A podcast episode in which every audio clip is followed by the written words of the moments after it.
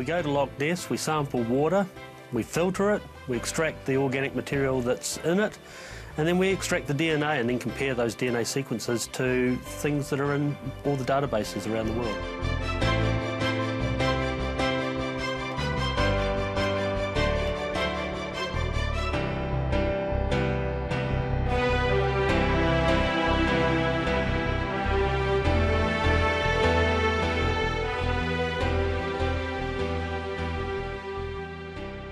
I don't have any information on whether or not the Loch Ness Monster exists.